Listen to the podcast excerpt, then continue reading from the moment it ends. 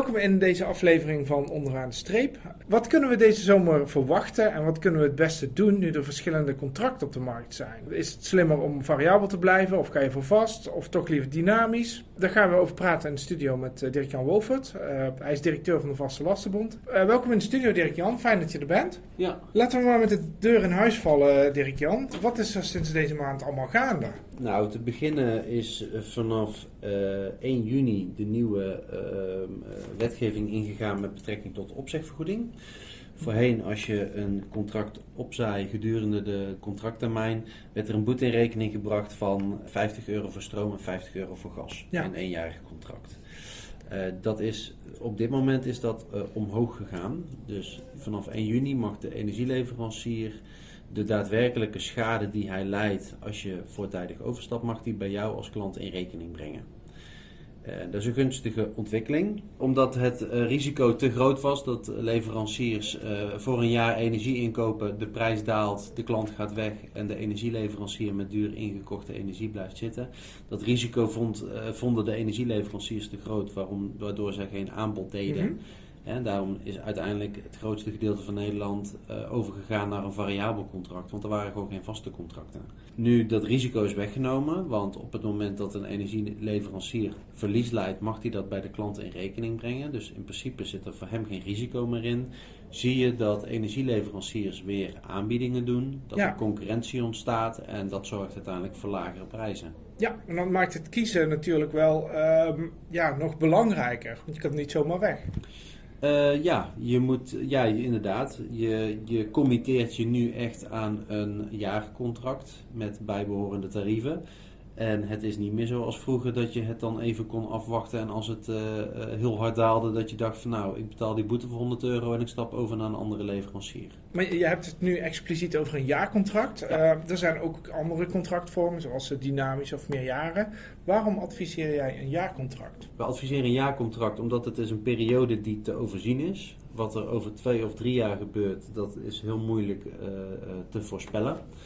En dat maakt het dus ook heel onzeker of je er goed aan doet om je tarieven voor drie jaar of vijf jaar vast te zetten. Het kan nu heel gunstig lijken, het kan heel gunstig zijn, maar ja, je, je, je weet het gewoonweg niet.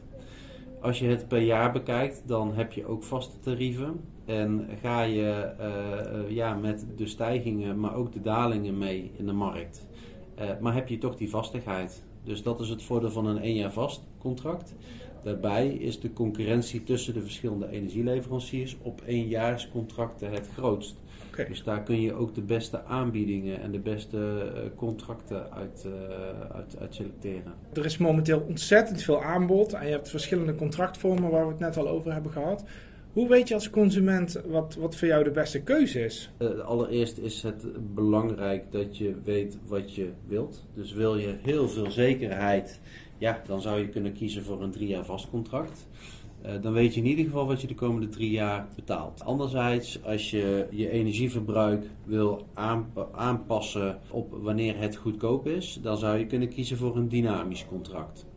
Over het algemeen uh, goedkoop, maar wel met een enorm risico dat als die energieprijs weer eens een keer gaat stijgen, dat je die dalen of die stijging binnen een dag voor je kiezen krijgt. Ja. Kies, je, kies je voor een, een, een, tussenweg, dan zou je kunnen kiezen voor één jaar vast contract. Waarbij je, nou ja, goed, wat wij doen voor onze klanten is dat we dan het goedkoopste contract selecteren, waar vaak een welkomstkorting bij zit. Dus als je op zoek gaat, is het belangrijk om te weten wat je wilt. En vervolgens moet je die leveranciers met elkaar gaan vergelijken. Ja. En uh, dan moet je niet alleen naar de prijs kijken, maar kijk ook naar de service van een energieleverancier. Is het een betrouwbare partij?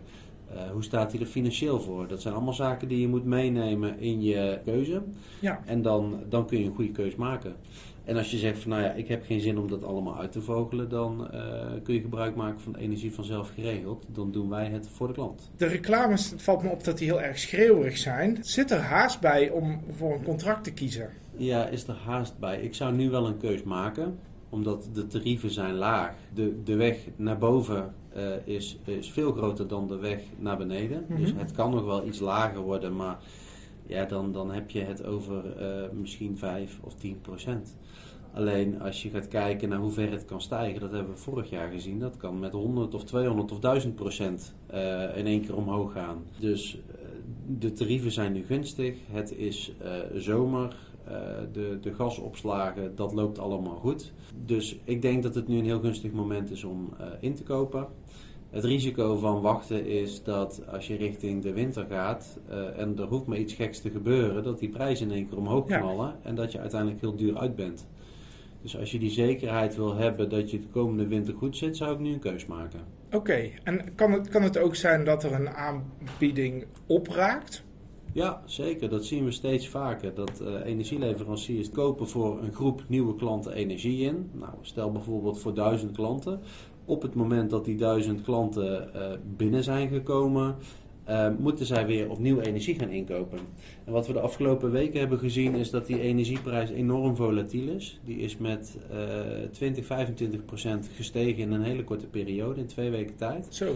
En dan zie je dat die contracten steeds uh, uitverkocht raken. Dus een energieleverancier verkoopt een, een, aantal contracten, moet dan weer opnieuw inkopen, maar dan tegen duurdere tarieven. Dus die komt wel weer terug met een nieuw aanbod. Alleen dat is veel minder gunstig dan het aanbod dat hij ervoor had.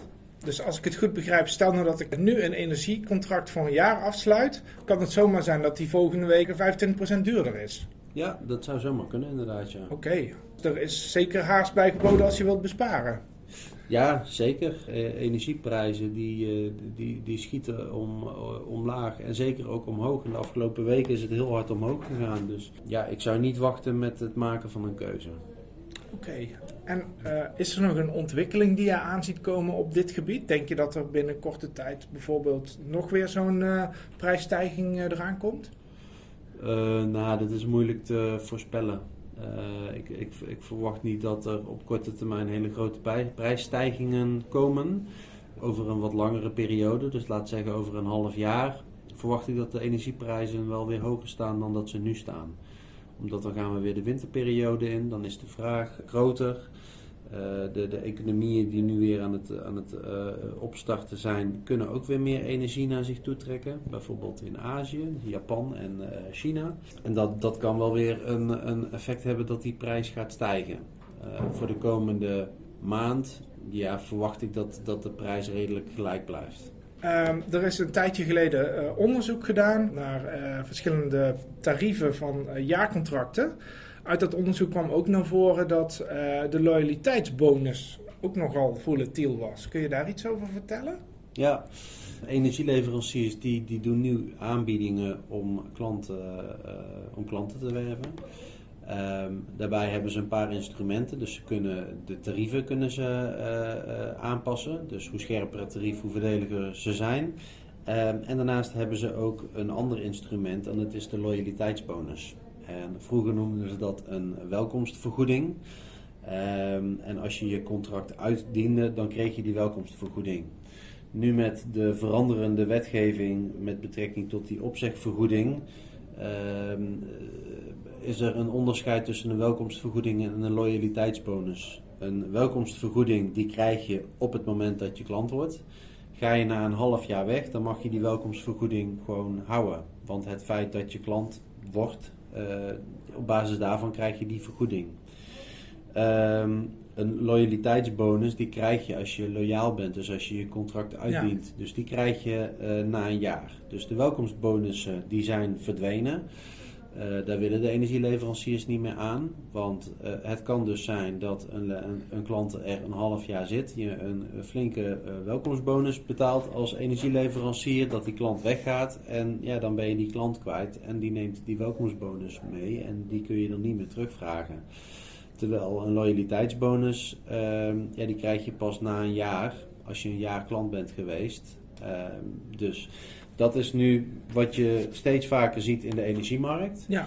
En uh, leveranciers spelen ook met die bonus. Dus op het moment dat ze die bonus omhoog gooien, worden ze dus per saldo goedkoper en weten ze ook meer klanten aan te trekken.